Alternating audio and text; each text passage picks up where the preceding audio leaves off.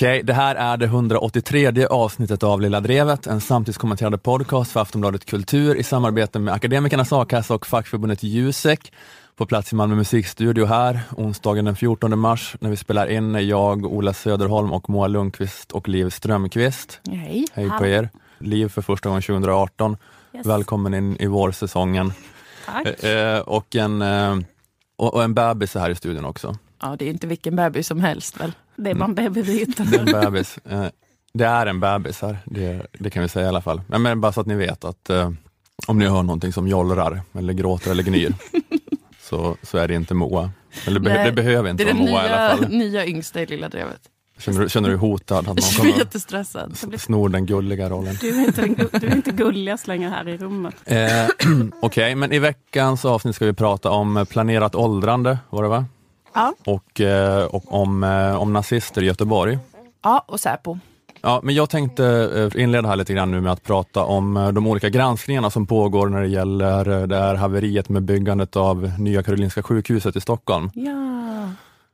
De borde ju verkligen döpa om det från Nya Karolinska till Dyra Karolinska. ja, det hade ju varit lustigt. Jag är verkligen vår tids Stellan Sundahl. Nej, men jag vet inte hur mycket folk har koll på det. Men det är då den här äh, skandalen att äh, Stockholms landstingsmoderater har kastat iväg många, många miljarder av skattebetalarnas pengar helt i onödan. Att äh, landstingsfullmäktige fattade beslut, då var den övre kostnaden 14 miljarder som kunde tillåtas. Det skulle inte få bli dyrare än så. Men nu är det då äh, 62 miljarder. Det är väldigt i. mycket dyrare. Det är 47 miljarder Stockholm man aldrig ser igen. Och det är ju bara en siffra, 47 miljarder, är det mycket eller lite? Men man kan ju säga att det är väldigt mycket mer än de här summorna politikerna kanske vanligtvis bråkar om på riksplanet Ja. till olika satsningar och så. Robert Aschberg skrev en krönika där han räknade ut att det är 30 000 kronor per skattebetalare i Stockholm. Robert Aschberg, Ja. är han en, är han en ny politisk bana som jag inte har hängt med på? Ja, men han, skriver, han är bara så här kolumnist i Aftonbladet, sen så hade han bara gjort, tagit fram en miniräknare och tagit 47 miljarder delat med antalet skattebetalare i Stockholm. En ny politisk kommentator. Man skulle väl ha det politiska, eh, politiska programmet också som du skulle vara quizmaster inför. Ja, just det, precis. Ja, men jo, men eh, Jag tycker, du ska, jag tycker det här var väldigt bra av Aschberg och jag tycker att det här borde göra att du skulle ta det där jobbet som quizmaster. Om det är sådana här intressanta grejer han ska säga. Han gör sådana här bra gräv. att det är en ära att ens bara få vara i närheten av en så skarp journalist Ja. som kan lyfta de här perspektiven. Så att även ifall det är att jag jobbar lite på bot, från botten där i hans produktion så, så ska jag hoppa på vad som helst. Absolut. Jag tycker det var, låter väldigt mycket. 30 000 per skalle. Ja, det är faktiskt Det är ju en väl. god Thailandsresa. Mm. Eller? Det betyder att en genomsnittlig stockholmare hade kunnat bjuda hela familjen på middag på Franzén en extra gång om det inte hade varit för landstingsmoderaterna. Kanske inte hela familjen, men sin partner i alla fall. Den här veckan äter vi på Franzén två gånger. För, landsting, för landstinget har haft så bra koll på ekonomin, hade ju en helt vanlig Stockholmspappa kunnat säga till sina jublande barn. Så att, eh, ja, men det är ju det är väldigt, eh, väldigt mycket pengar per skalle. Annars som de bråkar om skatter, ja det blir 200 kronor extra för människor som tjänar över 45 000. Alltså det är ungefär så det brukar låta. Men det här 30 000, då är det ju liksom, ja. Ehm, Nej men det är då att det är världens dyraste sjukhus och inte då som en rolig tillspetsad formulering. Nej. Det är typ världens dyraste sjukhus, utan det är alltså världens dyraste sjukhus. Och sen är det då det här att det ändå inte funkar, att det är eh, kaos. Eh, Dagens Nyheter hade reportaget Historien om världens dyraste sjukhus för ett par veckor sedan. Där man bland annat intervjuade Bertil Gustafsson som är en av de som har drabbats av cancerköerna som uppstått till följd utav, av det här haveriet. Då. Han hade behandlingsbar cancer men operationen blev aldrig av och när han till slut fick en tid hade cancern spridit sig och operationen Nej. var omöjlig. Och han eh, dog förra veckan men han blev intervjuad på hospice någon vecka innan han dog. Fy fan. Så det har då blivit dyrt och verksamheten har blivit eh, kaotisk och ineffektiv på grund av massa snåriga turer. Mm. Det blir alltid lite, eh, man blir, det är lite svårt tror jag att förklara det utan att folk blir eh, lite sömniga av så det. Nya Karolinska att jag behöver liksom inte få det förklarat. Alltså jag, jag, det räcker med, alltså jag, jag, jag, jag, jag, behöver bara höra några vissa nyckelord. Liksom. Det är så här, Världens dyraste och cancerköer. Filippa Reinfeldt. Filippa Reinfeldt. det, det, det, det är liksom, sen kan jag fylla i, sen fyller jag i där liksom emellan. Eh, ja, men det är i alla fall eh, med att det handlar då om den här eh, upphandlingsformen OPS, offentlig och privat samverkan. Att ett privat bolag har fått ett långtidsansvar för byggande, finansiering och drift, vilket gjorde att politikerna helt tappade greppet om hur kostnader, kostnaderna skenade iväg. Sen är det de här amerikanska konsulterna i Boston Consulting Group, mm. BCG, som du har pratat om Moa ja. tidigare i Lilla Drevet, Just. som anlitades för att införa den ekonomiska styrmodellen värdebaserad vård.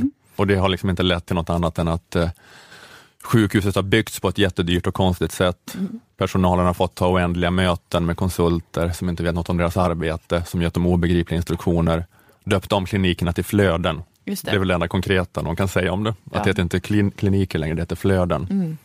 Välkomna till kvinnoflödet, kanske det är. ja. man ska in och, och kolla eh, kolla sin, eh, sitt könsorgan eller någonting. Eh, och, eh, men de, och de, här, de har då fått hundratals miljoner kronor, de här konsulterna, för att, att göra det här. Och en stor del av de här granskningarna av Nya Karolinska nu, det handlar om olika situationer eh, om så här, med, med, där det misstänks eh, vara jäv och intressekonflikter, misstänkt korruption. Yeah. Att så här, alla normala jävsregler och upphandlingsrutiner verkar ha vägts ganska lätt i det här fallet. Bland annat i fallet med de här BCG-konsulterna då och mm. deras värdebaserade vård. Eh, det här är från Kalibers granskning. Sjukhuset storsatsar på värdebaserad vård. I styrelsen sitter konsultbolagets tidigare Nordenchef. Och ordföranden för Karolinska, som tidigare var VD för AstraZeneca, drog tillsammans med BCG igång de första mötena kring värdebaserad vård i Sverige. Och operativ chef för hela sjukhuset är en av BCGs tidigare konsulter att kunna gå emellan de här organisationerna är, har i alla fall för mig varit det absolut viktigaste. Ja, då är det jätteviktigt. oh, no. Det här med att man kunna gå emellan staten och kapitalet. Hur skulle det annars funka? eller, land, eller landstinget och kapitalet. Men det är, men det är sån där offentlig privat, det är, väl, det är väl någon slags offentlig privat samverkan också. Att det underlättas verkligen om det är samma gäng ja. i konsultbolaget som i sjukhusledningen. Att det blir så himla mycket smidigare, smidigare upphandling då, om det är samma personer i princip på båda sidor. Eller att alla som är på ena sidan jobbade för en månad sedan på andra sidan mm. och sen byter de igen nästa månad. Alltså om de här äh, Stefan Larsson, Andreas Ringman Uggla och vad de heter, att de så skakar hand med sig själva. Liksom. Ja, att väldigt då, smidigt. Tack, tack, ett nöje att göra affärer med mig. Alltså då, blir, ja, men då blir det verkligen så att ett universitetssjukhus i Solna kan köpa in konsulttjänster till summor som inget privat företag skulle drömma om.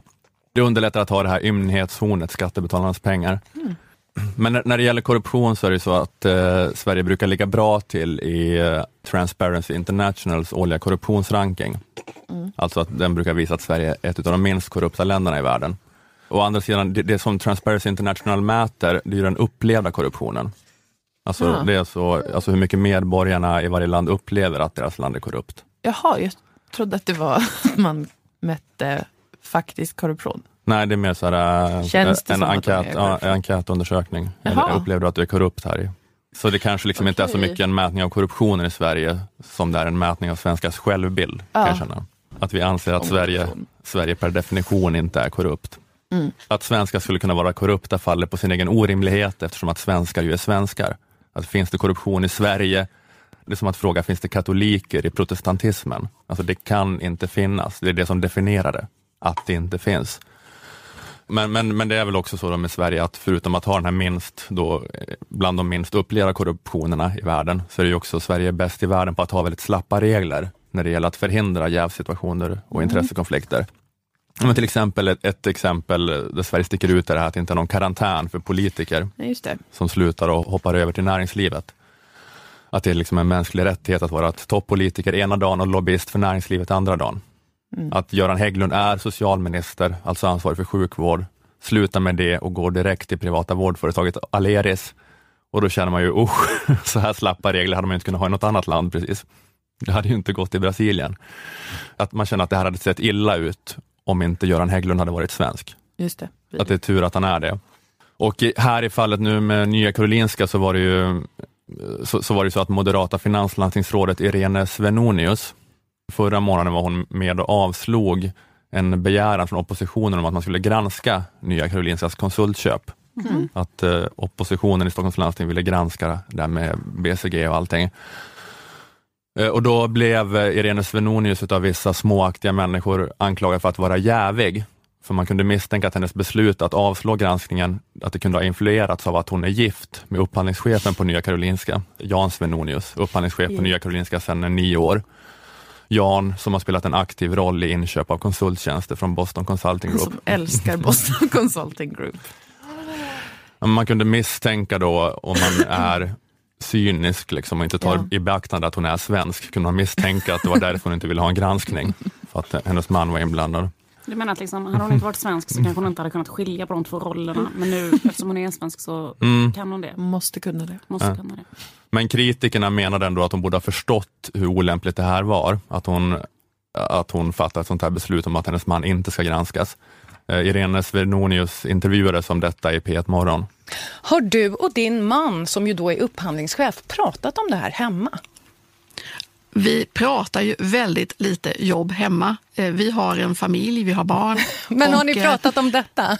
Jag tänker, Nej, du är finanslandstingsråd, han Ja. är upphandlingschef på detta sjukhus som är omgärdat av skriverier. Ja, men alltså, sedan jag tillträdde så pratar vi väldigt lite jobb hemma därför att det är, handlar om rågångar mellan våra uppdrag. Eh, därför är vi överförsiktiga. Tack så mycket Irene Svenonius, moderat landstingsråd i Stockholm. Jag ska säga att vi också har sökt hennes man, upphandlingschefen. Men han var hemma och tog hand om deras barn. Ska vi säga, kan du räcka över luren? Nej. Jag vägrar. De är överförsiktiga. Ja. Hennes man, upphandlingschefen, men för Irene är det bara hennes man. Hon vet knappt att han jobbar som upphandlingschef på Karolinska. för de pratar så himla lite om sina jobb sen hon blev finanslandstingsråd. Spe- Speciellt i ett sånt förhållande där man har så här, det här pratar vi aldrig om. Ja, men det är som någon så här, finns det inte sådana filmer, vad heter de? Heter den The Departed, att de är så gamla två bröder och ena blir snut och andra blir maffia liksom, och så möts de. Att det är många sådana situationer Stockholmsmoderaterna har skapat liksom, i sina familjer. De måste ändå mötas på familjemiddagen liksom, och lägga det här åt sidan. Då. Nej men de håller rågången så himla bra där hemma. Och ja, men här känner man ju också att det här hade verkligen sett illa ut om det inte varit för att paret Svenonius är svenskar. I vilket land som helst annars hade det här varit en jävsituation. Om en politiker skulle fatta beslut om huruvida hennes make ska granskas för sin roll i typ århundradets skandal. Men här går det bra då eftersom att eh, Irene och Jan är så överförsiktiga Ja. eh, där hemma. Mm, de har ju en familj så det är mycket med det blir det ju annars. Snacka om barnen. Vem ska skjutsa till hockeyträningen? Jag kan inte skjutsa för att jag har ett möte med... Nej. Eh, inte ett ord till. De måste behandla sina jobb som om att, det är, att de har en affär ungefär. Ja. Det är så här, don't ask, don't tell. Mm. Vad har det varit? Får man inte ens fråga då? Men, äh, men här blev det faktiskt så att det tillsattes någon slags utredning för att ta reda på om Irene- Svenonius varit jävig i det här fallet. Och den har kom fram till att hon varit jävig.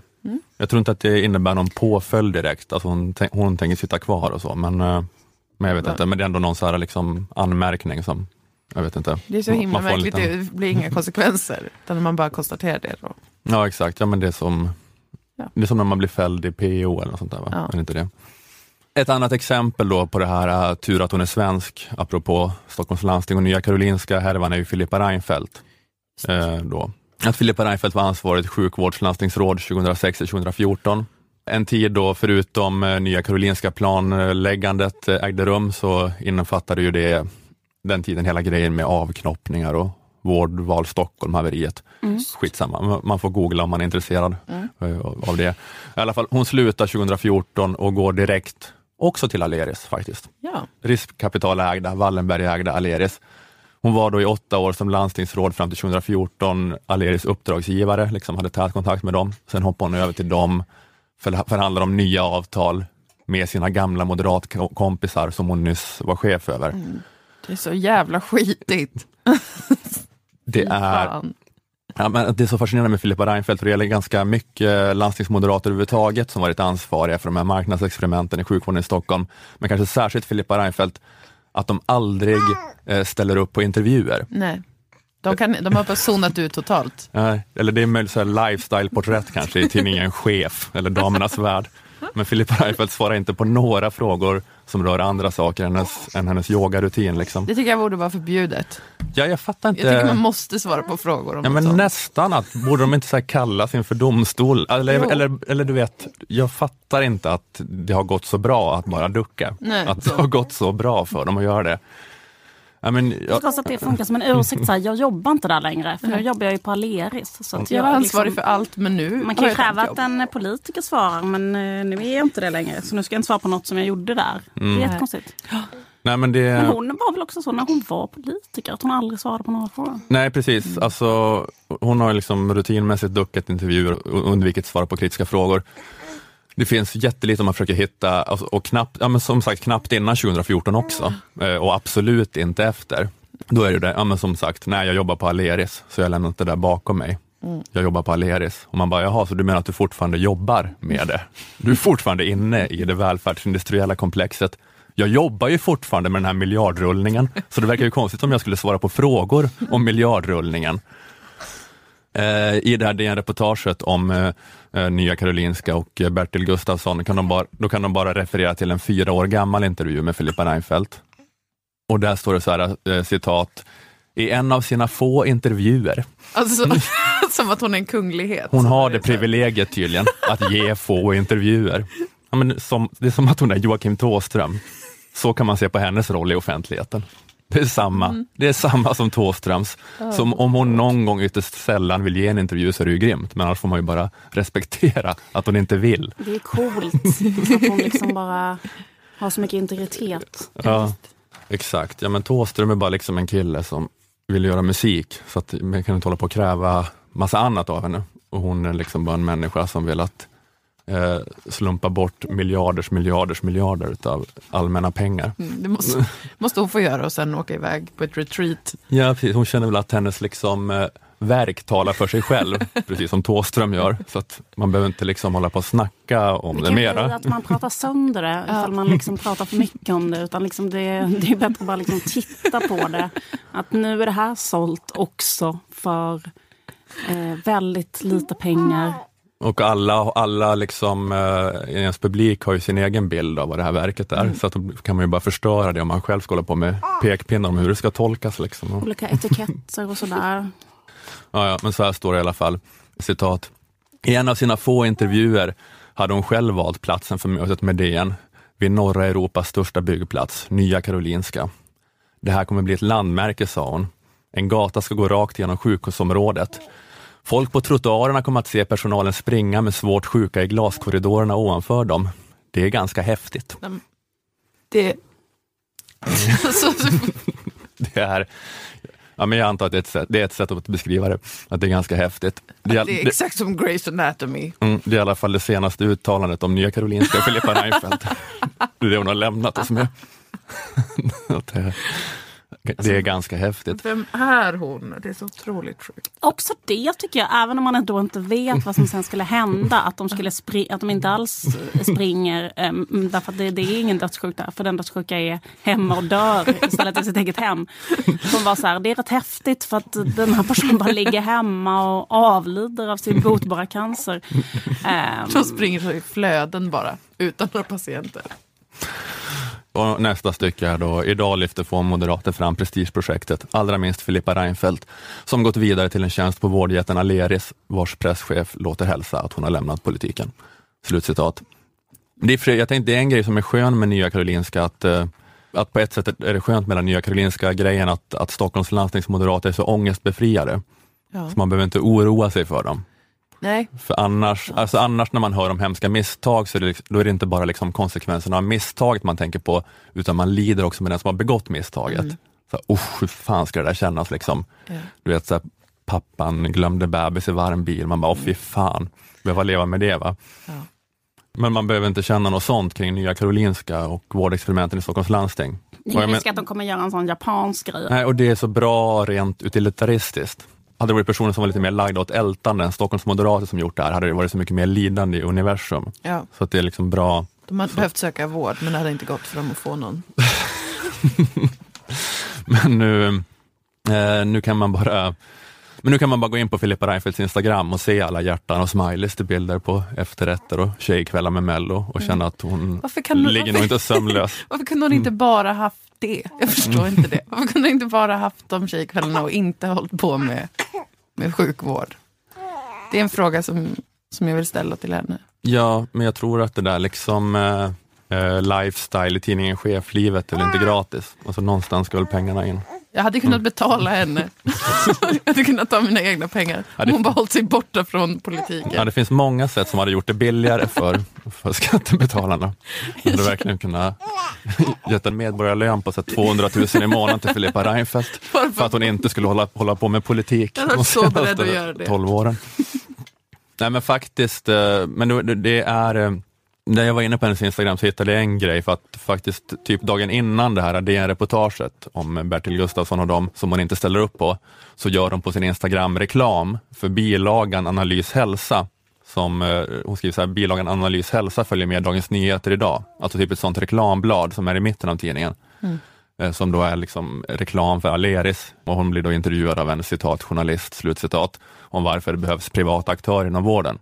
Och så håller på och pratar om att folk som håller på och propagerar för vinstbegränsning inom vården hatar kvinnliga entreprenörer och så. Så att hon ställer ändå upp idén då på sätt och vis, här samma dag kan man säga, på, på betald annonsplats. Då. Ylva Hasselberg, professor i ekonomisk historia, eh, skrev en text i DN eh, häromdagen apropå Ny, Nya Karolinska om att, eh, om att liberaler borde lära av historien och skilja staten från kapitalet. Att det var en av de viktigaste sakerna för den första moderna demokratiska regering som tillträdde i Sverige 1917 och det var en koalition mellan sossar och liberaler. Att de då ville göra rent hus med det gamla och det innebar bland annat att göra upp med korporativismen eh, som innebar att det var mycket oklara gränser mellan staten och kapitalet. Samma personer som ledde banker och storföretag fattade de politiska besluten. Eh, Och eh, för vänstern, och på den tiden innefattade vänstern också liberalerna, för dem var det självklart att motsätta sig den, denna liksom sammanblandning då mellan politik och, och ekonomiska intressen. Alltså det skulle inte vara det tysta samförståndet mellan konservatism och storfinans som det hade varit innan 1917 och som det är på hela den här välfärdsmarknaden idag då. Att det är suddig eller ingen gräns mellan de som fattar besluten och de som tjänar pengar på besluten. Men det handlar om att det egentligen är en liberal position, att eh, privata ekonomiska intressen ska klara sig själv och inte leva i symbios med offentlig sektor. Och eh, Hasselberg hon skriver om det här OPS, offentlig-privat samverkan, eh, när det gäller Nya Karolinska, att, eh, att det citat har karaktäriserats av jäv, korruption och att privata aktörer berikar sig på offentliga medel. Dessutom har det lett till ett sjukhus som inte fungerar. Och det finns system i den här galenskapen och 1918 hade vi inte hymlat med vad detta ska kallas. Det ska kallas korporativism. Och det innebär att tjänstemannarollen inte fungerar, att rättssäkerhet och lika behandling inte råder och att offentliga medel slösas bort. Förlåt ett långt citat här, men ja, nu är det dags för liberala politiska partier att tala ur skägget om detta, att välja sida. Hur i all världen kan det vara en liberal position, omfattad av de partier som anser sig förespråka ekonomisk liberalism, att näringslivet ska blomstra genom att dopas med skattepengar istället för att blomstra genom konkurrens på en marknad? Och hur kan det vara en liberal position att den i grunden så klar distinktion mellan medborgerliga rättigheter och ekonomisk makt som kommer ur isärhållandet mellan privat och offentlig sektor får grumlas på detta sätt? Sen skriver hon att det är så här svårt, att man förstår att det är svårt att ändra på det här systemet, för att alla system som har instiftats är svåra att ändra på alltid. Att nu är det så här och då är det svårt att ta sig ur det, men att i princip borde det vara omöjligt att inta denna position, såväl för liberaler som för socialdemokrater, med någon insikt om det samhälle som föregick det moderna. Eh, slutcitat. Okej, men precis, men, men det handlar alltså om att det är för modernt och att tjänstemannarollen inte fungerar. Ja. Och det man måste göra i ett sånt läge för att eh, undvika korruption i statsförvaltningen, byråkratin, prästerskapet och så vidare, det är att människorna som sköter de viktiga uppgifterna eh, är kastrerade. Ja. Eh, man, ja, men det är så man ju, gjorde inom, innan moderniteten, att de som hade de här uppdragen var tvungna att vara kastrerade. Jaha. Förfarandet är alltid att de ska utnyttja sin position för att gynna en släkt eller klangrupp. Att de börjar bara gynna sina kusiner eller sin klan eller sin hemby eller någonting. barn med kusiner skulle väl även en kastrerad kunna gynna, eller? Ja, det är en lucka i resonemanget. Nej, men eh, så därför var taktiken att människor som hade sådana här eh, privilegierade positioner, i gengäld så fråntogs de sin, eh, sin börd eller berövades sin möjlighet eh, till att få efterkommande, ja, men att föröka sig. Eller, eller både och. Liksom. Ja, men att kinesiska kejsare använde sig av enucker mycket Mm. i seniora positioner. Så de, de var ju bokstavligt talat eh, kastrerade. Ja. Men sen finns det också exempel som att eh, påven Gregorius den sjunde bestämde i slutet av 1000-talet att katolska präster skulle leva i celibat. Det var då det började, Jaha. katolska prästers celibat. Och det var avgörande för att korruptionen skulle stoppas. Att de fick ha då sin privilegierade position i utbyte mot att, mot att ingen eh, kunde ärva dem. Mm. Eh, och det här liksom var, alltså, eller det var ett viktigt steg mot att skapa en mer modern stat som byggde på lagar. Att det, var liksom, det ledde till att katolska kyrkan blev en centraliserad organisation som styrdes av en uppsättning lagar som alla svarade inför. Med den sortens riktig stat istället för massa konkurrerande klaner och maffiagäng som hade sina egna lagar styrda av man blodspann. kunde liksom inte bara stifta en sån lag, så här, du får inte låta dina barn det här. Utan det var så här, du ska kastreras.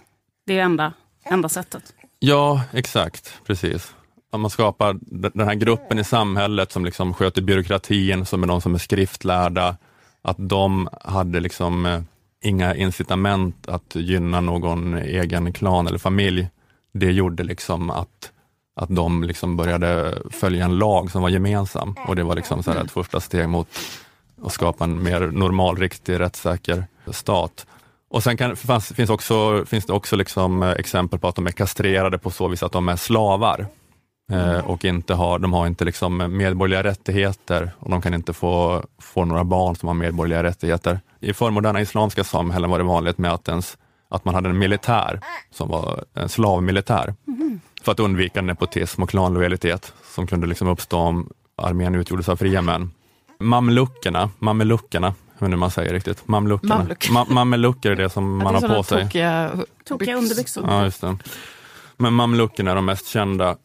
Alltså det var en sån slavarmé då i, i ottomanska väldet, kanske i gamla muslimska stater. De, de hade på ett sätt liksom en så här mäktig, privilegierad position, men de hade inte band till några andra människor än till sultanen som ägde, ägde dem. De var liksom riddare, de var en adel, fast de var en engenerationsadel. De kunde liksom inte föra vidare något de byggde upp till nästa generation. Och det här är vad du skulle önska hände med landstingspolitiker.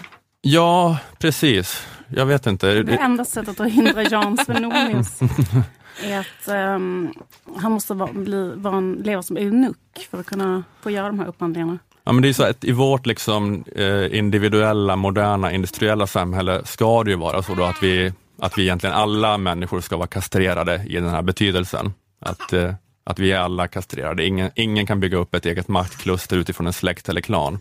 Ens om man vill så kan man kan inte göra det.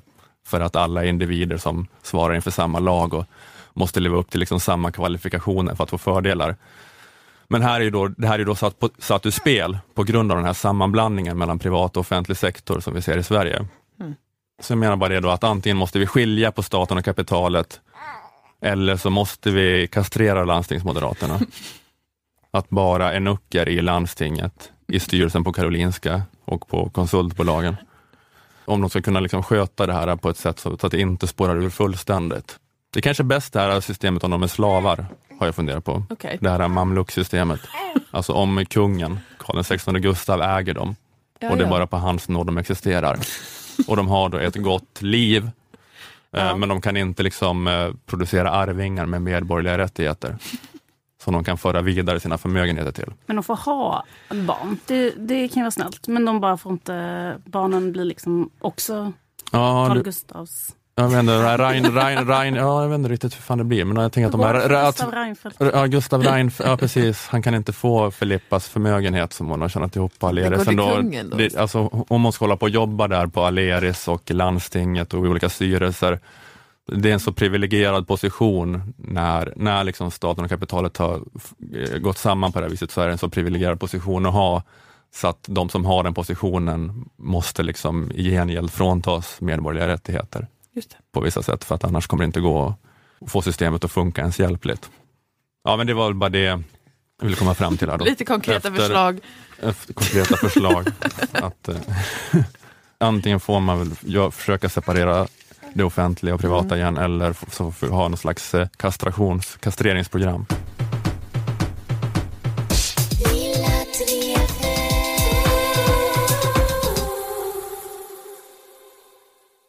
I november 2016 och i januari 2017 så utfördes tre bombdåd i Göteborg riktade mot boenden för nyanlända flyktingar och eh, mot en lokal för syndikalister. Ingen dog, men det var en städare på ett asylboende som skadades och det var nazister som gjorde de här attentaten och de åtalades och dömdes. Nu har eh, P1 Dokumentär gjort en dokumentärserie om detta i tre delar. Om eh, attentaten och om hur Säpo jobbade med det.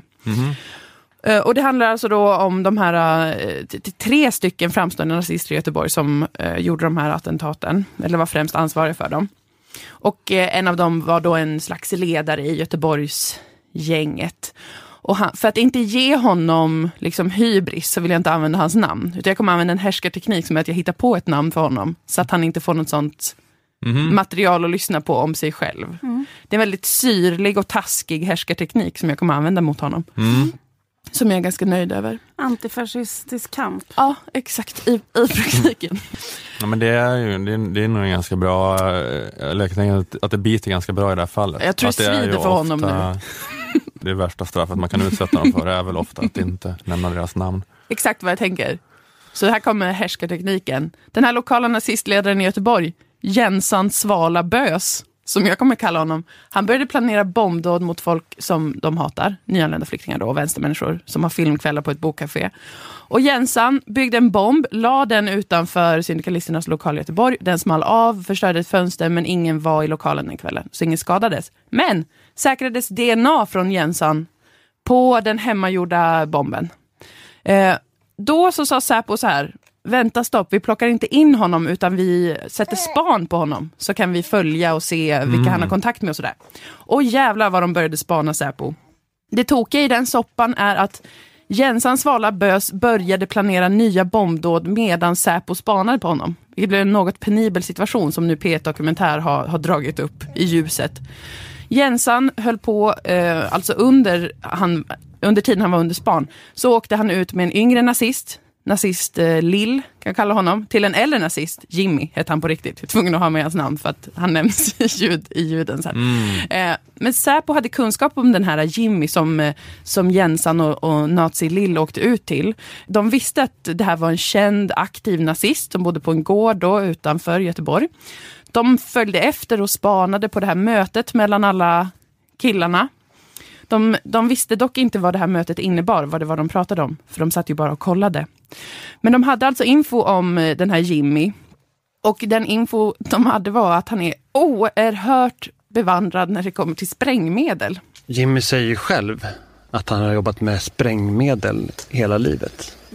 Jag har jobbat som anläggningsdykare i, i, i hela mitt liv, sedan jag var 18 år. Så här berättar Jimmy Jonasson senare i tingsrätten.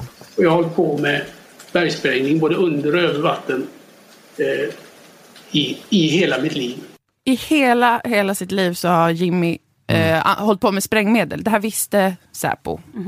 Det säger de inte själva, men alla experter och liknande säger att de måste veta det. Då är det klart de har koll på en eh, nazist som jobbar hela sitt liv med sprängmedel.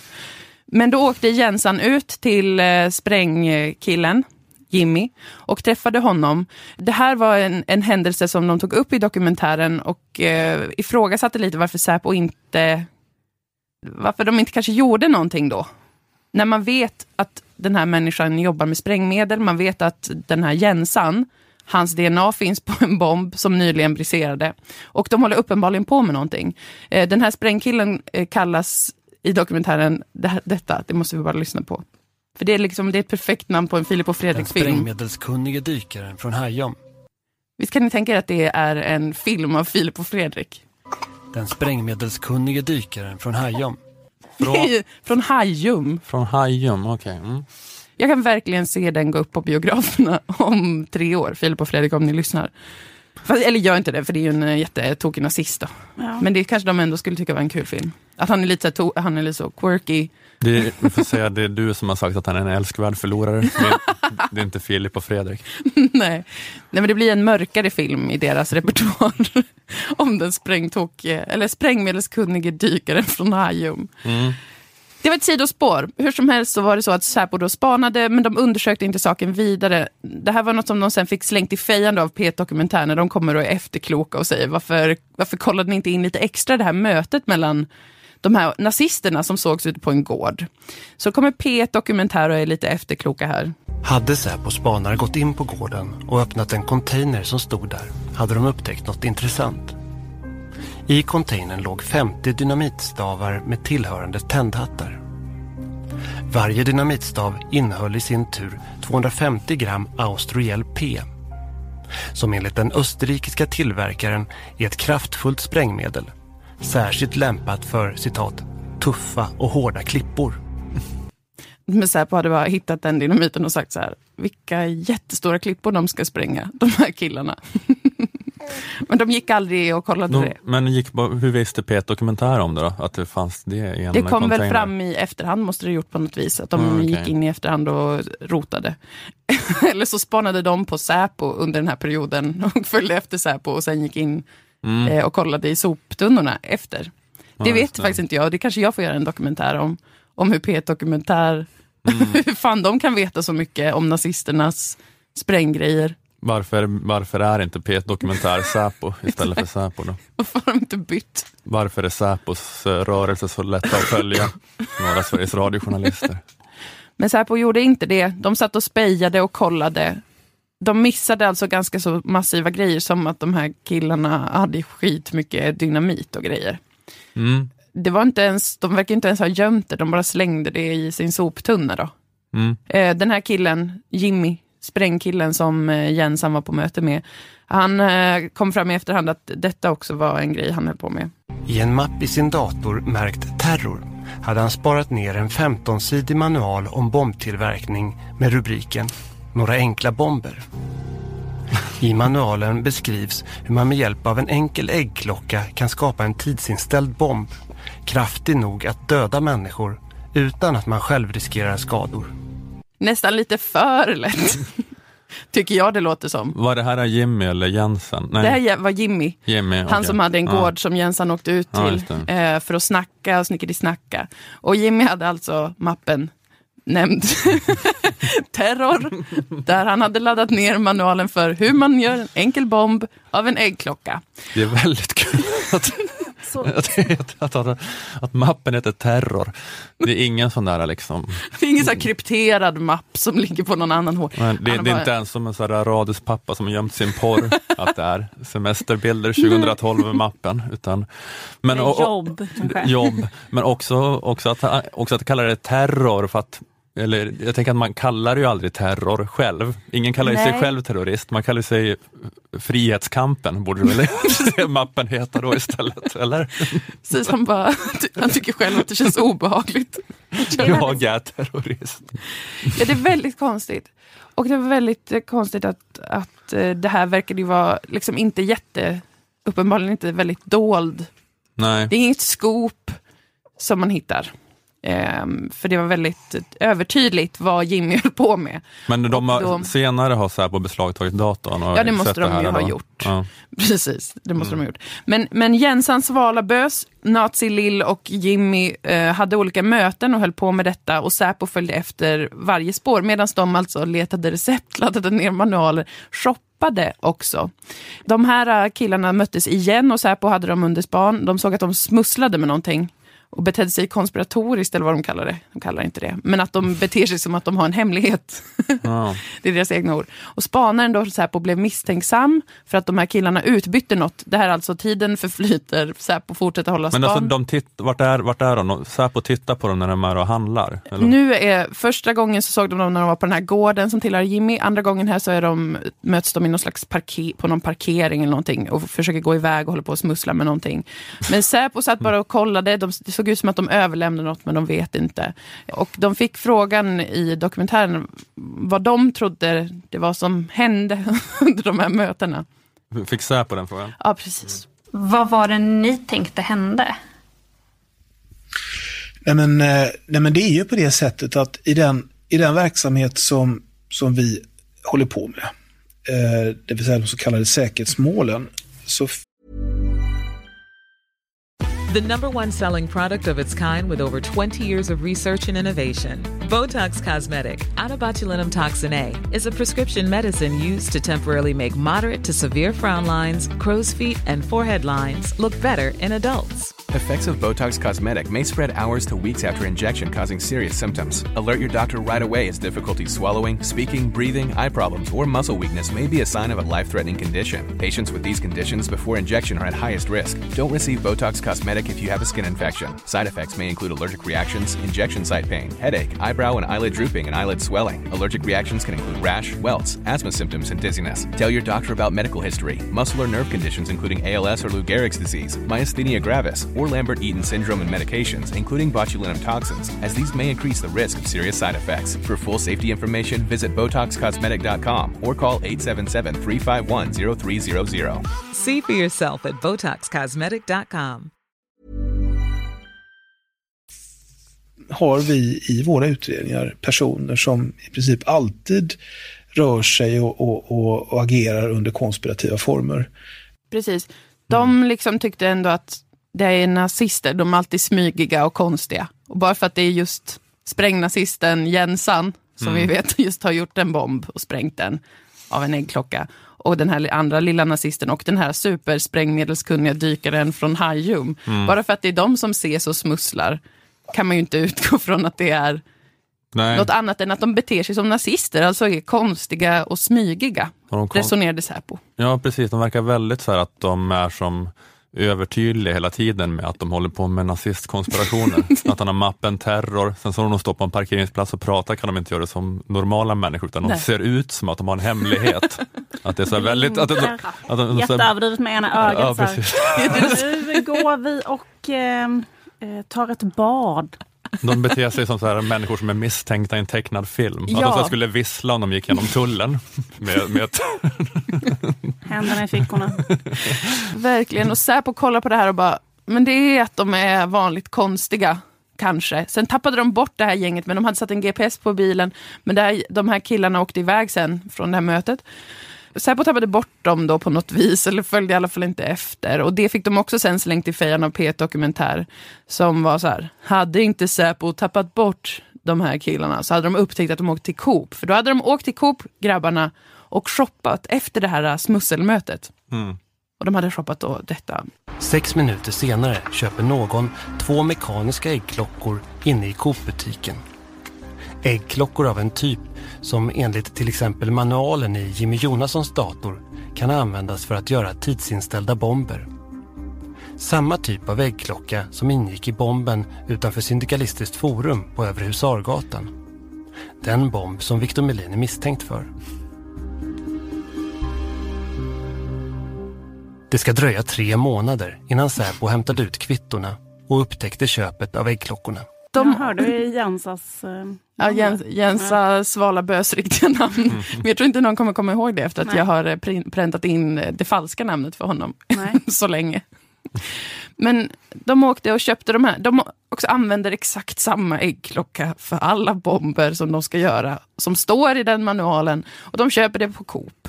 Och, och Säpo bara satt och spanade och spanade och spanade och spanade. Medan de här kända våldsaktiva nazisterna sågs hela tiden och byggde en äggklockabomb.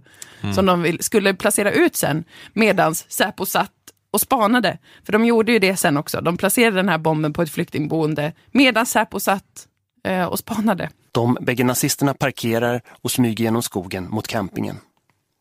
Säpos spanare väljer ändå att avvakta och ingriper inte. Förundersökningsledare, kammaråklagare Mats Ljungqvist. Vid det tillfället ehm, så eh, är det inte på det sättet att man egentligen i första hand misstänker att någon bomb har placerats ut. Efter allt det som har hänt. Den sprängmedelskunniga dykaren från Hajrum, som mö- ha, Harum, jag kommer inte ihåg vad det hette. Möter upp Jensan, Sprängjensan, de köper sina äggklockor, de håller på att utbyta saker. Efter allt det så känner ändå Säpo att det finns väldigt lite som tyder på Nu- att de nu är på flyktingboendet för att lägga dit Nu en ska bomb. de gå och koka ägg. Nu ska de gå och koka ägg till flyktingar. För det är det enda de här killarna rimligtvis kan vilja.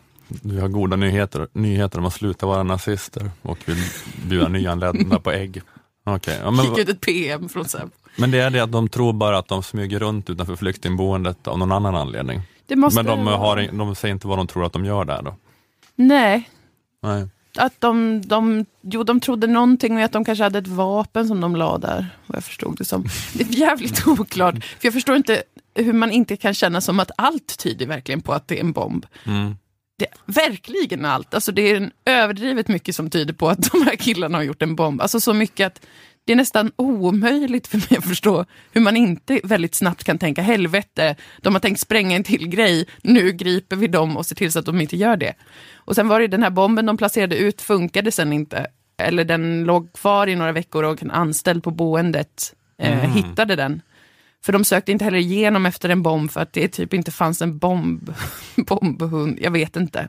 Det var någonting med det. Mhm. De hade ingen bombhund Säpo tillgänglig. Nej, de hade, de, det var massa med det där också. Att det var ingen bombhund tillgänglig den kvällen. Och så skulle jag, det var omständigt. Mm. Men det är ändå alltså då som sagt oerhört våldsamma nazister alltså som bygger, bygger en bomb. Och Säpo bara, det kan inte vara det de gör. Det finns ingen chans att det är just det de skulle göra. Det skulle väl inte de. Och det är nästan så, så sjukt att man börjar känna själv att det finns någon slags konspiration. Någon anledning till varför de bara spanade och spanade och spanade men aldrig kunde lägga ihop det. För jag jobbar ju inte med Säpo. Jag är ju inte underrättelsetjänstpolis eller vad det heter.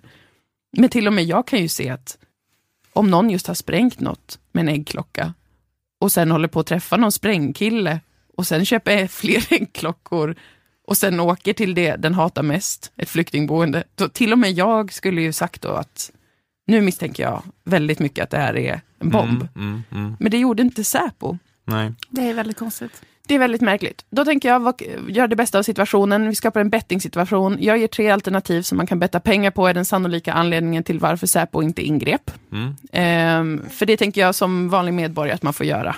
Ehm, det är ju eh, någonting i alla fall att, att, att få ut av det. Men, men det, är, det, är, det är svår betting på så vis att vi kanske inte kommer få reda på det rätta svaret i och för sig. Precis, och det kan dröja väldigt många år innan man får utdelning på Mm. sin... Alltså det kanske kommer fram om 20 år. Mm. Men gå ihop, eh, ni lyssnare med era kompisar och Precis. lägg ett vad. Precis. Är det, det är ändå en kul grej. Och det första alternativet är ju självklart eh, polisspåret, alltså att en, det finns en nazistisk falang. En mullvad kanske det också skulle kunna vara. Som är hos Säpo och som bara är sån här, han är jättebra på att övertala folk. Han är så här, vi ska bara spana. Mm. Jag känner till hur såna här grabbar funkar och det värsta de vet är när man bara spanar. Har en sån oerhört karismatisk nazist som är en mullvad inne hos Säpo som har övertalat alla. Och nu i efterhand känner de sig lite dumma så de måste försöka säga så här, vi gjorde det för att det var det enda logiska att göra i situationen. Fastän vi alla andra ser ju utifrån att det var väldigt ologiskt att inte ingripa till exempel. Så det skulle vara ett, en sak man kan betta på, att det finns något sånt. Det kommer antagligen inte komma fram. Eller där behöver vi någon som gräver väldigt intensivt om vi ska få svar på det.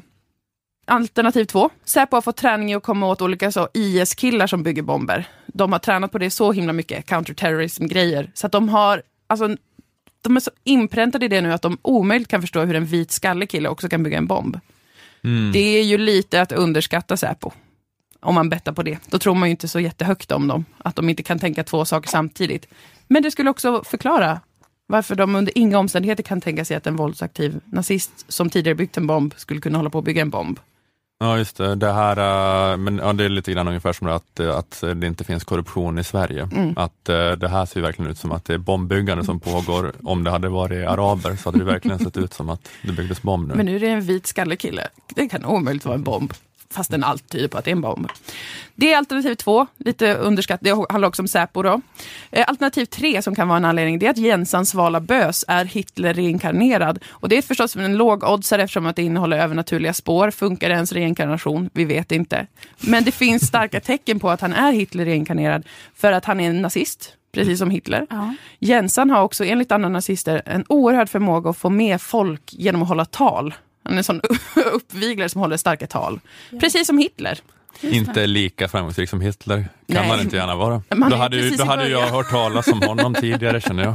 Men han är precis i början, och nu sitter han ju inne. Ja, ja. Eh, ett till tecken dock, han sitter inne och det kom nyligen en nyhet om att han har fått jättemycket fördelar i häktet. Han har fått jättelånga besök och mycket mer besökstid än andra. Det vill säga exakt som Hitler. När Hitler satt in efter ölkällar, eh, vad heter det, ölkällarkuppen, Mm. då fick han svin mycket besök. Alltså Mm. han fick besök när han ville. Han fick, han fick tidningar, han fick skriva sin bok. Alla var, tyckte att han var karismatisk liksom. och nazist. Och alla älskade, det var det också då, att alla i fängelset älskade nazismen. Men ändå oerhört spöklikt att Jensans svala bös Mm. lever väldigt likt eh, Hitler.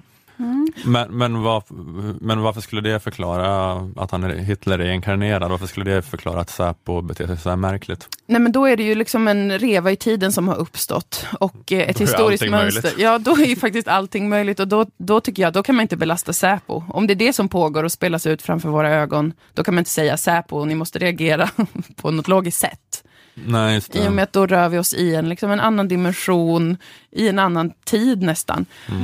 Så att det alternativet finns. Men det känns som att Säpo eh, håller på att ha en avvaktande hållning mot Hitler reinkarnerad och om man ska lära sig av historien så var ju det väldigt dumt. Ja, precis. De eh, återupprepar ju Chamberlains misstag här egentligen med att låta honom hållas för länge. Liksom. Men För kan det då- vara så att det är då att Säpo är Chamberlain Mm. eh, inkarnerad?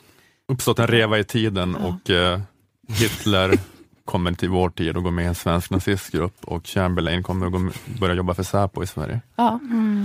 Det är spöklikt men det skulle kunna vara en förklaring till hela den här fruktansvärda soppan. Eller som sagt kan man betta på något av de två andra alternativen. Så då kan man eh, göra det nu då. Så Mm. får vi ut något av allt det här. Men jag tänker att, jag tror jag har ett, ett fjärde alternativ är att, Mhm. eh, att Säpo måste börja tänka att eh, nazisterna trollade dem för att de betedde sig så himla då genomskinligt uppenbart med Mm. mappen som heter terror, Mm. med så här, stå och bete sig överdrivet mystiskt på olika parkeringsplatser, lägga dynamitgubbar i containern. Att, det är Ja, det är sant. att eh, de nazisterna la ut ett spår, liksom, så här, så här, oj, kolla på- på oss, vi bygger en bomb. Och att det var det att, det att, är det, sant. att det är för enkelt att det är att de bara bygger en bomb. Liksom. De har sett på för många säsonger av 24 Mm. för att fatta att det, här man, det man tror först att det är, det är ju inte. Nej. Så är det ju alltid. Det är sant och Så- då blir jag väldigt orolig för vad är det, det egentligen de håller på med. När de offrar också Jensan Svala Bös, han sitter inne nu. Men vad är det nazisterna i så fall gör om det här var en decoy-operation med hela den här situationen? Jag är Mm. livrädd om det är Ja. det alternativet. Men jag tyckte det var starkt faktiskt. Jag kommer kanske betta på det. Mm, Att exakt. det är en, en undanmanöveroperation för att få Säpo och samhällets blick på sig. Medan de gör något jätte, jättemycket värre. Åh nej. Det kanske är ett misstag det där, just att eh, det som skiljer liksom kriminella från i verkligheten och kriminella i fiktion är att kriminella i verkligheten ofta har den, det karaktärsdraget att de är ganska dumma. Mm. Men i liksom tv-serier och filmer är de alltid eh, genier. Ja. Men det, det kan bli ett problem då när man har fått sin bild influerad för mycket av det och jobbar för Säpo och tänker att de har tänkt fem steg längre här. Liksom. Men det de kan inte bara vara att de, vi ska bygga en bomb av en äggklocka. vi lägger, visar det här helt öppet, så bygger vi en bomb vid en äggklocka och lägger den på ett, vid ett flyktingboende. Så dumma kan nog inte kriminella vara. Det Det, har, det har nog jag sett i, i True Detective. så, att, eh, så vi kan inte ingripa nu. Men att det kan vara så dumt och enkelt i verkligheten, det måste Ja. Säpo förstå kanske. Ja, då kanske det är också ett alternativ, en förklaring att Säpo överskattar nazisters intelligens. Mm.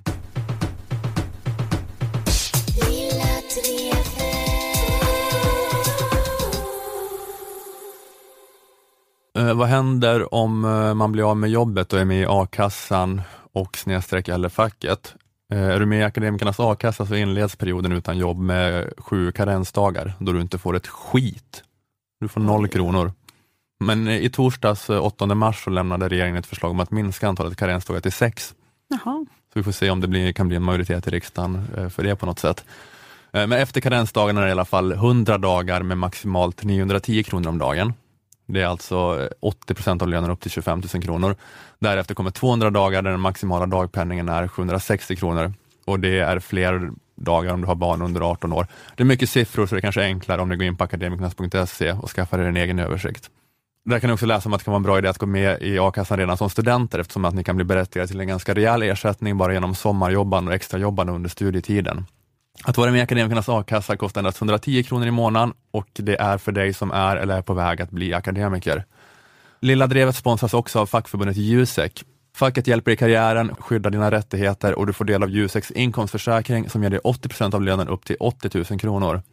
Att vara med i Akademikernas och Jusek kostar 361 kronor sammanlagt. Är du redan Akademikernas medlem lägger du alltså bara till 251 kronor för att också få vara med i facket. Eh, och även om du är säker på att du aldrig kommer att utnyttja a-kassa eller inkomstförsäkring så är det ju bra att vara med ändå av solidaritet med alla andra stackare i det här landet som kämpar med att sälja sin arbetskraft. Tar du steget att gå med i Akademikernas a-kassa och snedstreck eller fackförbundet Jusek tack vare den här podden kan du gärna meddela a-kassan och facket det. Du kan också skriva om det i sociala medier under hashtag lilladrevet.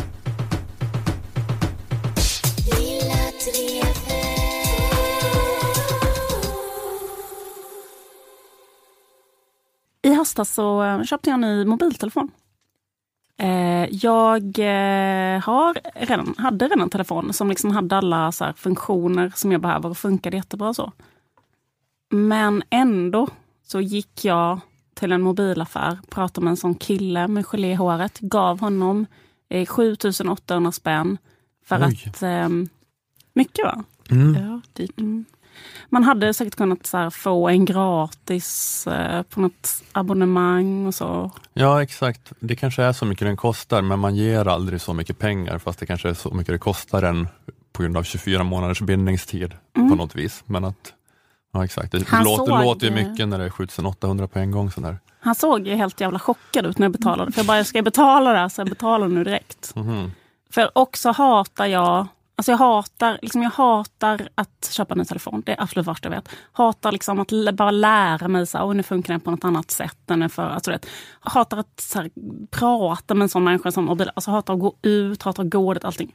Och i detta också, är också liksom att det är så vidrigt att behöva så här, ta reda på vilket är det bästa abonnemanget och bi- bin- bindningstiden. Så liksom hellre betala de pengarna. Mm. I alla fall. eh, varför utsatte jag mig för den här fruktansvärda grejen att behöva köpa en ny mobil?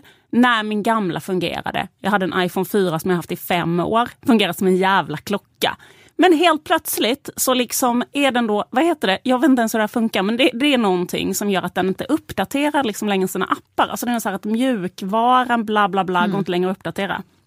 Ditt operativsystem är för gammalt för att kunna ladda ner senaste versionen utav Exakt. saker och bla bla bla. Det kom ja. upp såna här grejer, så här, Facebook Messenger, du kan inte längre ha det på din telefon, det kanske man klarar sig utan. Men så var det som alla såna grejer. Så här, typ, du ska åka buss i Malmö, då behöver du kanske en app för att kunna köpa en bussbiljett. Då kan du inte ladda ner den appen, för den, är liksom, det, det, den kräver ett nyare operativsystem. och Så Så du kan helt plötsligt inte typ så här, åka buss, eh, jobba, ha svara på Du vet, så här, tvungen att köpa en ny.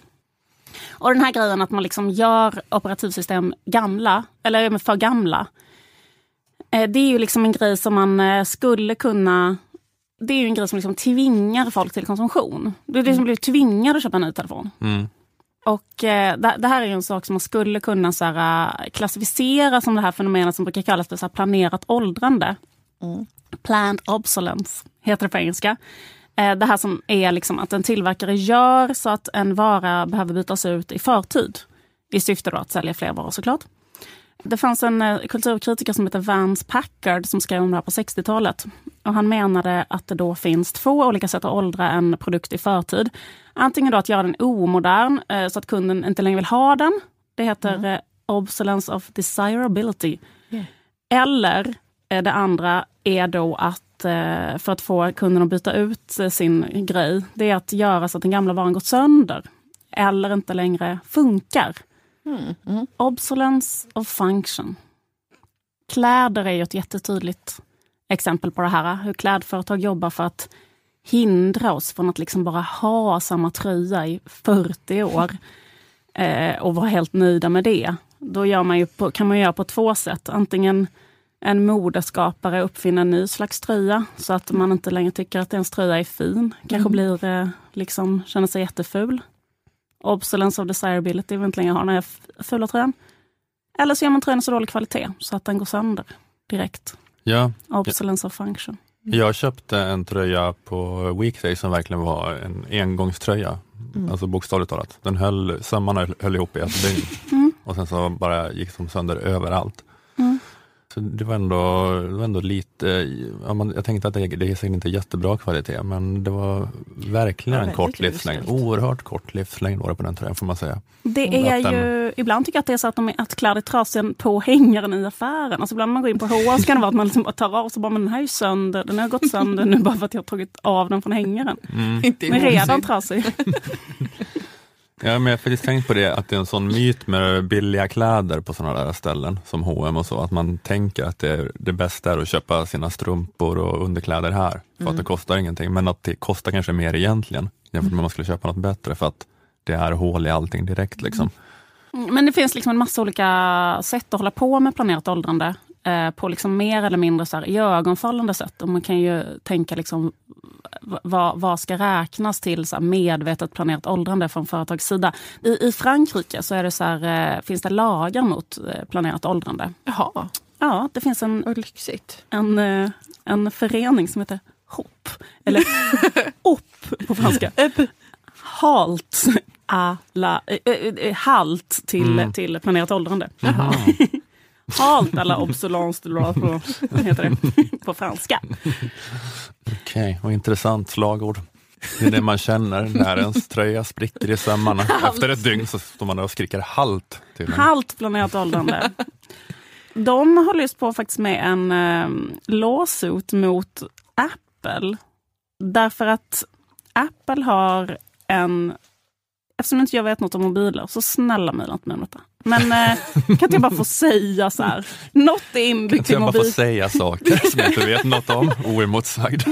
Nej, men kan inte jag bara få säga med mina ord Mm. att det finns något inbyggt i mobilen? Ja, just det. Nu kan ni kalla det något fint ord, kanske software. Mm. Men, nu, men nu säger mobilen. du grunka och, och, och ni fattar vad Liv menar. Låsuten handlar om att någonting inbyggt i mobilen gör så att software eh, gör så att eh, de gamla eh, modellerna eh, blir långsammare. Mm. Och det är ofta inbyggt i de nya modellerna. Och de har liksom erkänt detta, att så här, när man uppdaterar eh, den så blir de gamla eh, långsammare. Och då säger Apple så här, ja vi har gjort detta, men eh, det beror inte på att vi vill att ni ska köpa en ny mobil, absolut inte. Utan det är för att så här, batteriet blir långsammare och bla bla bla. bla. Eh, men då den här gruppen som vill stämma dem, de, har då, de menar då att det här är synkat med släppet av, av iPhone 8. Eh, Så att liksom samtidigt som de släpper iPhone 8 så liksom trycker de på en knapp så gör alla gamla mobiler blir jättelångsamma. Ja men det tror jag. Men har det halt eh, säkra källor på att det är så? Eller?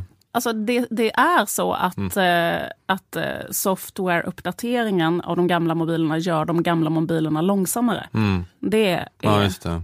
Sant. Ja, ja, ja, precis. Sen är frågan om så här, eh, varför har de gjort det? Och eh, sen är det så att det finns ju inte liksom att, är det något som man kan stämma dem för eller inte? Men Apple har varit inblandade i andra sådana här äh, åtal, till exempel att de hade jätte, jätte eh, alltså de hade sådana säkerhetsskruvar, heter det. Och det är skruvar som inte går att skruva upp med vanlig eh, skruvmejsel på alla sådana så här datorer och mobiler för att de skulle vara svåra att öppna och laga så att man istället skulle tänka så här, här behöver vi en skruvmejsel som är jättesvår att få tag på, och slänga den och köpa en ny eh, dator istället. Mm, mm, just det. För jobbigt. Alla, alla, alla som gör skrivare, HP, Epson, Brother, Canon, alla sådana människor. Alla de eh, har blivit eh, misstänkta för att hålla på med planerat åldrande just Ja. med sina skrivare. De skrivare är ett helvete. Skrivare ett jävla helvete. Här känner jag så här, behöver faktiskt inte googla det, utan känslan Mm. av att en skrivare slutar funka eh, väldigt, väldigt tidigt och behöver s- skickas till Afrika till ett sånt sopberg Mm. eh, om man köper en ny. Det är typ så här, pappret har fastnat. Klipp till att den ligger så här och läcker något skit. Mm. Det är en sån jättevacker flodbädd i Afrika. Att det står liksom sådana barnsoldater i Afrika med eh, snusnäsdukar runt ansiktet och eldar de här skrivarna i jakten på någon slags guldpartikel som finns inuti. Exakt.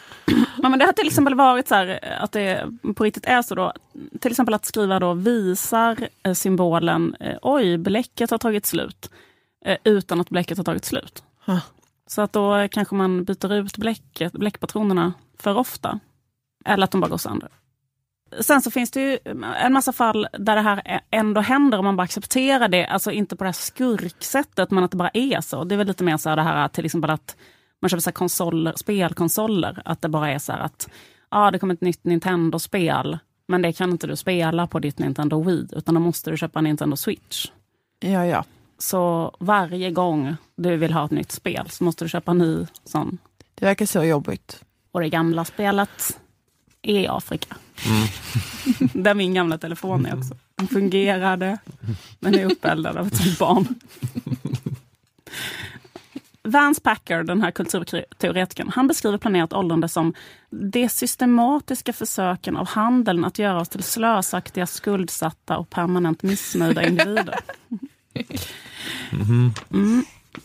Det här är egentligen eh, inga konstigheter e, eftersom vi lever i ett sånt ekonomiskt system, alltså en tillväxtekonomi, där det måste vara tillväxt. Och drivkraften för alla företag är ju att sälja mer och mer hela tiden. Så systemet uppmuntrar ju liksom inte till att till exempel tillverka en iPhone som jag kan ha i 15 år, sen ge till min förstfödda son som en studentpresent och han kan ha den i 20 år till.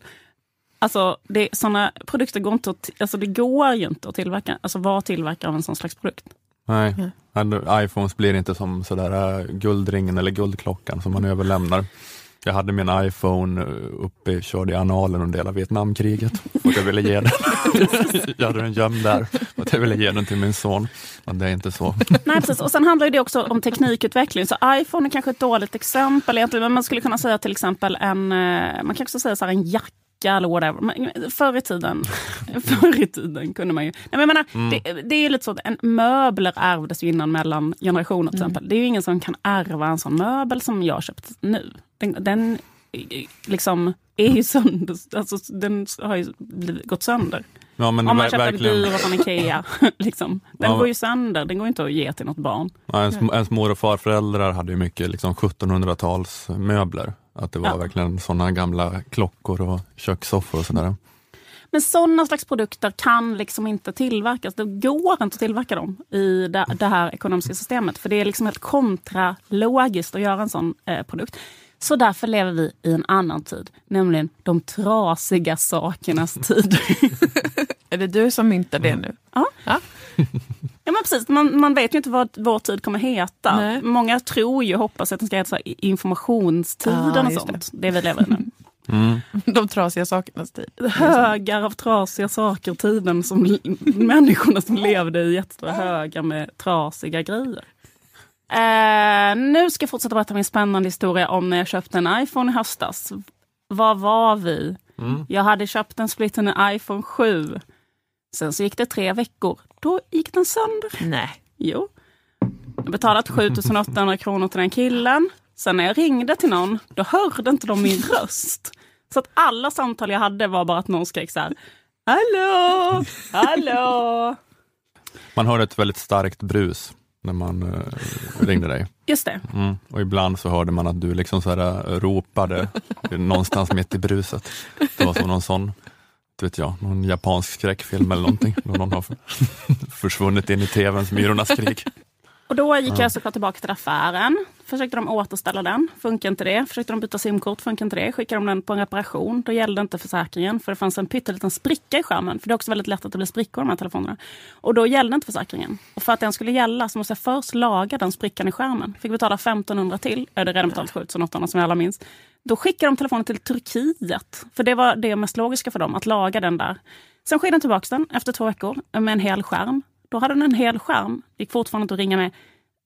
Skickade de den till tusen ställen till. Jag ska inte tråka ut det, för det här tog så jävla lång tid. Och jag vill inte heller överdriva. Nej. Utan nu tänker jag säga en riktig siffra som jag har själv liksom tänkt ut exakt på riktigt hur många gånger jag var i mobilaffären mm. för att få en fungerande telefon. Och det var 14 gånger. Oj i fyra olika mobilaffärer. Och det tog från slutet till augusti till slutet av december. Och Nej. då fick jag en ny telefon. det är sant. De var tvungna att byta ut den.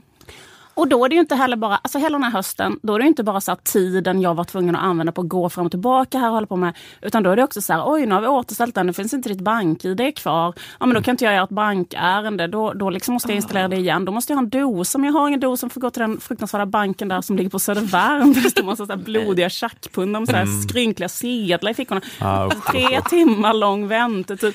Så liksom the amount av så här tid, pengar, förlorad arbetsinkomst. Alltså det, det, går inte, att- det går inte att räkna ut. Nej. Och det är bara hur mycket du har hållit på med den här telefonen. Mm. Ja. Hur mycket olika kan människor i Turkiet och eh, ja, Jag har håller suttit på människor världen över. Ja. Eh, jag vill absolut inte sprida ut en konspirationsteori om att Apple medvetet skulle göra telefoner som går sönder lättare och lättare för varje modell. Jag bara berättar om min erfarenhet av deras telefoner. Eh, eller ångar mig, jag kanske vill ändå sprida ut en teori om att de här telefonerna, jag menar det är en lite så, att nu hörde jag att en, någonting som heter Recon Analytics har räknat ut att livslängden på en iPhone är 21 månader nu. Mhm. Kort, Det eller är hur? jättekort. Mm. Så var det ju inte för några år sedan.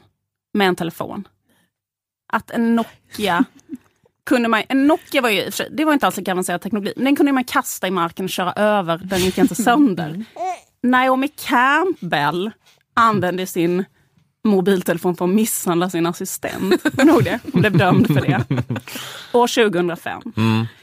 Det är ju omöjligt att tänka sig idag. Det är drömsamhället där supermodeller kunde liksom använda sina mobiler för att bara banka på en anställd. Men vet Tror man, vet man att den telefonen klarade sig då? Det var, Eller det var ber, ber, 2005 berättade Naomi. Campbell det?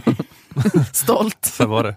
Men jag tänker att känslan hon hade när hon ändå tog upp, vad ska jag slå, vad ska jag banka på min assistent med? Mm. Ja, det, det här. Det mest hållbara i rummet. Det mest, det var, för henne var det liksom som att ta upp en handväska. Ja, det. Man, lite man, man, hårdare. man greppar efter sin telefon då liksom. Men eh, din iPhone 7 kan du liksom inte andas på utan att den måste skickas till Turkiet. Min iPhone 7, förlåt, jag måste säga en sak om den. Den är så fruktansvärt hal. Alltså typ att om man lägger den på bordet så är det som att lägga så en smörklick i en varm stekpanna. Mm. Förstår vad jag menar? Ja. Den, den, den bara glider omkring av sig själv på bordet tills den, förlåt, jag, jag ska absolut inte det, men det är lite så att de har byggt den för att den ska ramla ner från bordet. Ja, ja. Vi är övertygade om att det är så. Okej, det var det. Bara det. Ja, för att det kan aldrig ha funnits en tid när människor har tappat sin telefon så mycket som de gör. Alltså jag tappar min telefon. Alltså det är så jävla sjukt. Den liksom söker sig till så här kanter. Den bara, den, Mm. Det kan ju inte vara det bästa. Varför har man inte så här knottror på baksidan av en telefon? till exempel? Men de kommer liksom börja sälja modeller som är, har olja som ytskikt liksom, snart. Att det är nästa steg. Att du, du ska ringa med en tvål. iPhone 8 är en tvål. Eller att den luktar så jättegott för hundar så att hundar börjar tugga på den när den trillar på marken. Men att det är lite som eh, så här, livskunskapen på högstadiet, när man skulle ta hand om ett eh, ägg. Att det är det som Det kommer man vara använda iPhone 8. iPhone 8 kommer vara gjord av äggskal. Det, det, det jag ville säga då var bara det här att eh, liksom människor som förespråkar ka- eh, kapitalism och marknadsekonomi kan man göra, säger ingenting om det. Men det, en sak man brukar säga om det, det är så här, det finns liksom intelligens inbyggd i det systemet, brukar folk säga. Så här, det finns liksom en inbyggd rationalitet som är så här att genom fri konkurrens så kommer vi liksom få de varorna som vi behöver. Alltså alla be- mänskliga behov kommer bli tillfredsställda på, på, på det mest rationella och bästa sättet. För att det kommer liksom skapas eh, eh, produkter där det finns efterfrågan. Så alla kommer ha jättenöjda och uppfylla sina behov.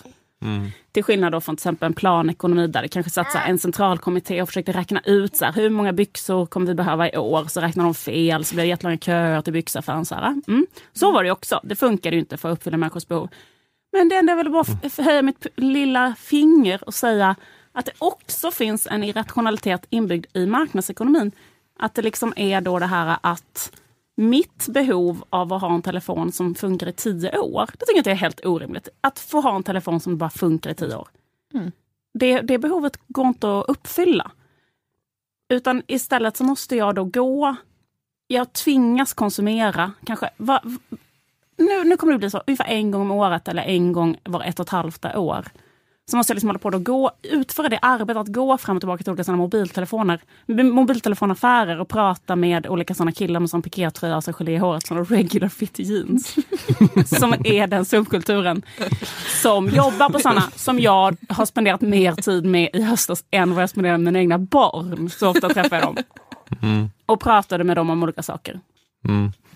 Det är orimligt att du ska behöva ha att göra med sådana människor. Alltså jag tycker liksom att man, om man är jättestor förespråkare av det systemet, då kan man ju vara så här, jag, jag tar en kula för det systemet, jag offrar någonting. Typ så som kanske sådana jätteövertygade kommunister tänkte när de stod i sina brödkör. Skitsamma, det funkar inte, jag står här ändå. Liksom. Jag vill bara att man ska liksom erkänna det, att det kräver det här offret. Att, att liksom... Eh, Gå så många gånger fram och tillbaka mellan så många mobilaffärer och prata med så många killar Mm. med eh, gelé i håret, som piké-t-shirts. Att man eh, står i brödkön för liksom den kommunistiska revolutionen är ingen tebjudning. Men så är det också då med, med kapitalismen. Inga jämförelser i övrigt, är bara känna att så här, man får ju liksom känna bara så att så här, det här, okej, okay, det är inte ett perfekt system, det är det här vi gör, det är priset vi betalar för att vi ska kunna upprätthålla den här tillväxtekonomin, det är att vi gör detta, vi ägnar vår tid åt detta, vi måste vi liksom gör, det är som ett litet, eh, det är liksom en, en, ett irrationellt offer. Mm. Snarare än en så här rationell behovstillfredsställelse. Det var bara det jag ville säga. Mm. Ingenting annat.